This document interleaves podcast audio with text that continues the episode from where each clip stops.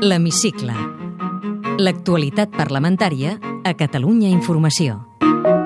Senyor Mas, superem les intencions i les fotos. Si la creació de llocs de treball és un compromís de tots els grups polítics i agents econòmics, per què no fem un pacte nacional? Res no feia pensar dimecres al matí quan Pere Navarro plantejava un pacte per l'ocupació al president de la Generalitat durant la sessió de control que, cinc hores més tard, anunciaria que plega com a líder del PSC. He arribat a la conclusió que la millor manera de contribuir a aquests canvis és renunciar a la primera secretaria del partit durant el... La dimissió de Navarro va fer saltar el ple pels aires. Ni la llei d'Aran ni les conclusions de la comissió d'investigació sobre les caixes que es debatien a la tarda mereixien tanta atenció mediàtica com les reaccions del mateix grup socialista a la notícia. No van tardar a valorar-la diputats com Xavier Sabater. En aquests moments hi havia un desig d'inici d'una nova etapa. Celestino Corbacho. Tenim una agenda política que en aquest moment està plena d'esdeveniments i jo crec que el Partit Socialista no pot esperar eh, 3, 4, 5 mesos amb una comissió gestora. O els tres diputats crítics Núria Ventura, Joan Ignasi Helena i Marina Geli. Crec que era una dimissió imprescindible, però evidentment aquesta mesura per si sola no, no serveix de, de res si no va acompanyada d'una refundació real del partit. Jo crec que aquest és un element que pot facilitar un procés de reconstrucció, insisteixo, de tot l'espai socialista. Aquesta és l'oportunitat pel canvi, per un congrés, per tornar a aquest PSC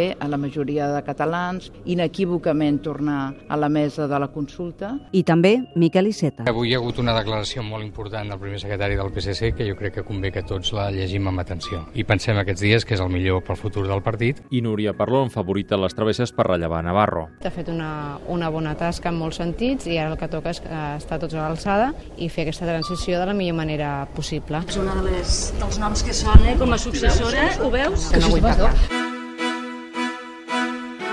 Sí, 299. La dimissió de Navarro es produïa el mateix dia que el Congrés aprovava la llei express d'abdicació del rei, El debat a les Corts Espanyoles era gairebé paral·lel a la sessió de control al Parlament. on Mas es va posicionar sobre el debat monarquia o república A preguntes de David Fernández. de la CUP. Juan Carlos I és la icona de moltes coses, de la impunitat vigent, dels crims de franquisme, dels pactes de silenci, semblances amb la metafòric que els seus vaixells es diguin Bribón o Fortuna. Els quatre països més competitius de tota Europa són Finlàndia, Dinamarca, Holanda i Suècia. Tres monarquies, una república. El problema està aquí o el problema és la qualitat democràtica i l'eficiència de l'Estat i la justícia social? De Joan Mena. D'iniciativa Esquerra Unida. reclamen la convocatòria d'un referèndum per poder escollir entre monarquia o república. Tenim o no tenim un 9 de novembre per davant amb una consulta a Catalunya. No sabem encara, a hores d'ara, quines seran les majories a favor que Catalunya es constitueixi un estat per si mateix. Imaginem que finalment hi hagi una majoria en aquest sentit. Quin sentit tindria que si la majoria de la societat catalana vol constituir-se en un estat,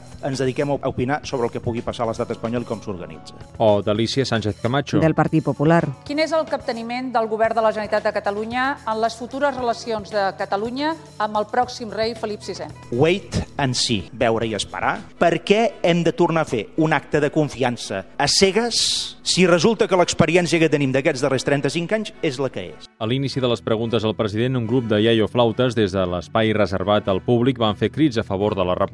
Fet pel qual els van convidar a marxar de l'hemicicle. Al fil d'una reflexió que feia, que és de la qualitat democràtica, Dijous, dia d'emocions, Ciutadans va evitar que hi hagués una primera votació al ple sobre monarquia o república. No va acceptar una esmena d'iniciativa en aquest sentit. Sentim Jaume Bosch. I Carina Mejías. Sap per què no volen vostès que el poble espanyol voti sobre monarquia i república? Perquè llavors no els hi quedaria ni un sol argument per dir que el poble català no pot decidir el seu destí polític. L'abdicació del rei no és aquí on s'ha de dirimir. Si vostès tenen tant d'interès de canviar el model d'estat, guanyin les eleccions.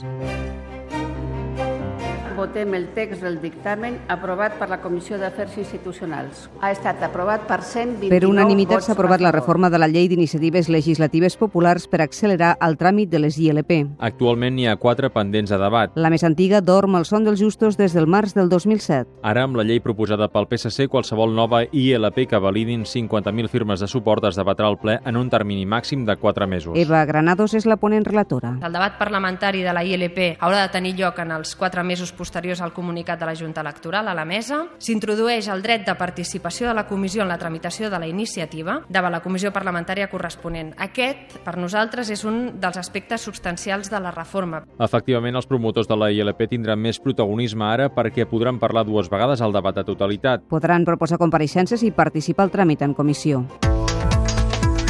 Quin viatge ha acabat el debat i ha tingut que no ens han presentat esmenes a la totalitat, aquesta iniciativa legislativa continua en la seva tramitació. Després d'un any llarg de treballs legislatius en ponència conjunta, la proposició de llei de règim especial d'Aran ha superat el debat de totalitat. No tenia cap esmena de rebuig, de manera que ara anirà a comissió i a la tardor es podria aprovar definitivament. El convergent Àlex Mogon assenyalà els dos principals objectius. Lluís Granza és que consideren de vital importància en aquesta llei. I el eh, finançament. Era d'usar el sistema d'elecció de consellers. La popular Dolors López Aguilar li recorda que cal garantir els recursos, també el socialista Òscar Ordeig. S'han d'assumir unes competències, però que aquestes competències han d'anar acompanyades de recursos, perquè si no, no serveixen de res. Des del grup també diem sí a la llei del règim especial d'Aran, però amb condicions diners i, evidentment, amb un sistema electoral més equitatiu. De les mocions aprovades al plenari destaca la d'Esquerra Republicana que insta el govern a dissenyar una seguretat social catalana si la consulta del 9 de novembre guanya la independència. Una premissa que va irritar el PP i Ciutadans. Sentim els diputats Rafael Luna, Inés Arrimadas i el proposant Oriol Amorós. Ustedes saben que con la independencia no se podrían pagar las pensiones. ¿Y eso lo decimos nosotros? Únicamente no. Lo dice también el IDESCAT. ¿Qué dice el instituto? Pues que con las cotizaciones de los trabajadores de Cataluña no da para pagar las pensiones de los catalanes. La aposta és que si demà som independents, m'expliqui vostè amb números com paguem la pensió a molta gent com el meu pare, que tenen 92 anys i estan cagats realment amb el que vostès pensen fer. Per què amaguen les dades? Doncs pues miri, el conjunt de l'Estat 10 vegades més de dèficit. Quan som el 16% de la població i quan som el 23% de les contribucions, només hem fet el 10% del dèficit. Una altra moció d'iniciativa demana a Interior que revisi els protocols policials en les retencions de persones amb problemes de salut mental per evitar situacions com la mort a l'abril de l'actor Alfons Ballart. L'acord va ser fruit d'un pacte entre els ecosocialistes, Esquerra i Ciutadans. Sentim Jaume Bosch i Gemma Calvet. Volem conèixer els resultats de la investigació sobre els fets i que els conegui la família i que s'analitzi si es van complir els protocols a aplicar a persones amb malalties mentals o si s'han de revisar. Que l'aspecte de la salut mental sigui prioritari en la consideració de les actuacions policials. El més important és que això no es torni a repetir.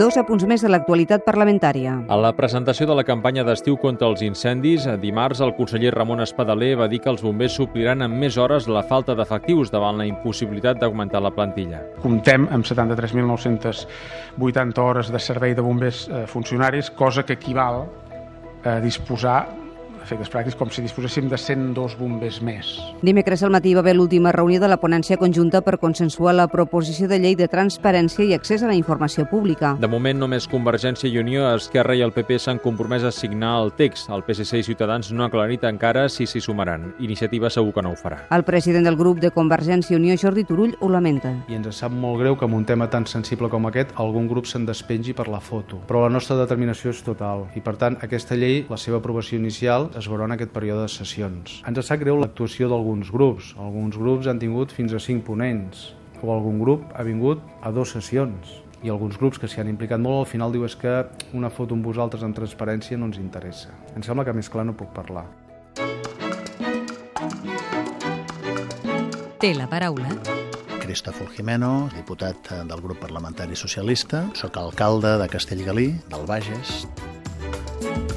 En una frase. Senyor Cristòfol Jimeno, ha fet bé el rei Joan Carles d'abdicar? Nosaltres li havíem reclamat, però evidentment estava subjecte a una decisió personal. La respecto, dintre de les decisions que podia prendre ha estat encertada. Què n'espera de Felip VI? Que pivoti aquesta transició i convertir doncs, aquesta situació que tenim en aquests moments eh, en una Espanya més avançada i des del nostre punt de vista federal. S'ha de decidir entre monarquia i república en un referèndum? La Constitució no ho preveu, per tant hem de seguir les regles del joc. Eh, Es declara monàrquic o republicà? No em fa nosa la monarquia, em sembla bé que continuem amb aquesta situació. Vol que Catalunya esdevingui un estat? Un estat federal dintre de l'Espanya federal que nosaltres defensem, sí. Què passa si la convocatòria de la consulta del 9 de novembre és impugnada? No s'hauria de produir. Ha estat mai a la cua de l'atur? No. Si es queda sense feina, quina és la porta que trucaria? Vinc d'una zona on hi ha pedreres i estic d'excedència d'aquest sector, per tant trucaria aquí primer. Ha pagat o curat mai en negre? No. Posaria la mà al foc que el seu partit ningú ha comès mai cap irregularitat? La posaria, tot i que això és de les irregularitats és un concepte tan ampli que fins i tot eh, bueno, és tot eh, tan qüestionable des del punt de vista judicial i de la interpretació judicial que aquí és difícil posar concreció amb el de la irregularitat. Quina és la llengua d'ús habitual a casa seva? Català, Quantes més en parla? castellà, francès i anglès. Em defenc, com els índios, Quin art l'apassiona més? al teatre. Digui'm una obra referent. Com que he sigut eh,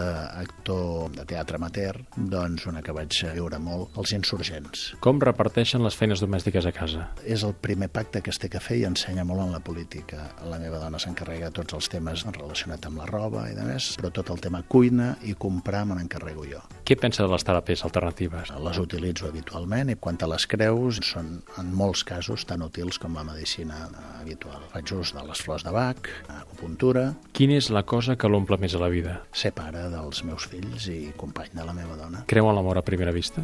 Sí, però amb la meva dona doncs, eh, va ser una situació d'aquestes i per tant continuo després de 24 anys de, de casats. Amb quin sex símbol compartiria una estona? La Clàudia Schiffer ha sigut una de les, eh, dels meus mites eròtics. Quan acaba un ple del Parlament, com desconnecta quan torna cap a casa? Amb música, escoltar doncs, alguns textos del cotxe d'autoajuda. Senyor, aquí està Fol Jimeno, moltes gràcies.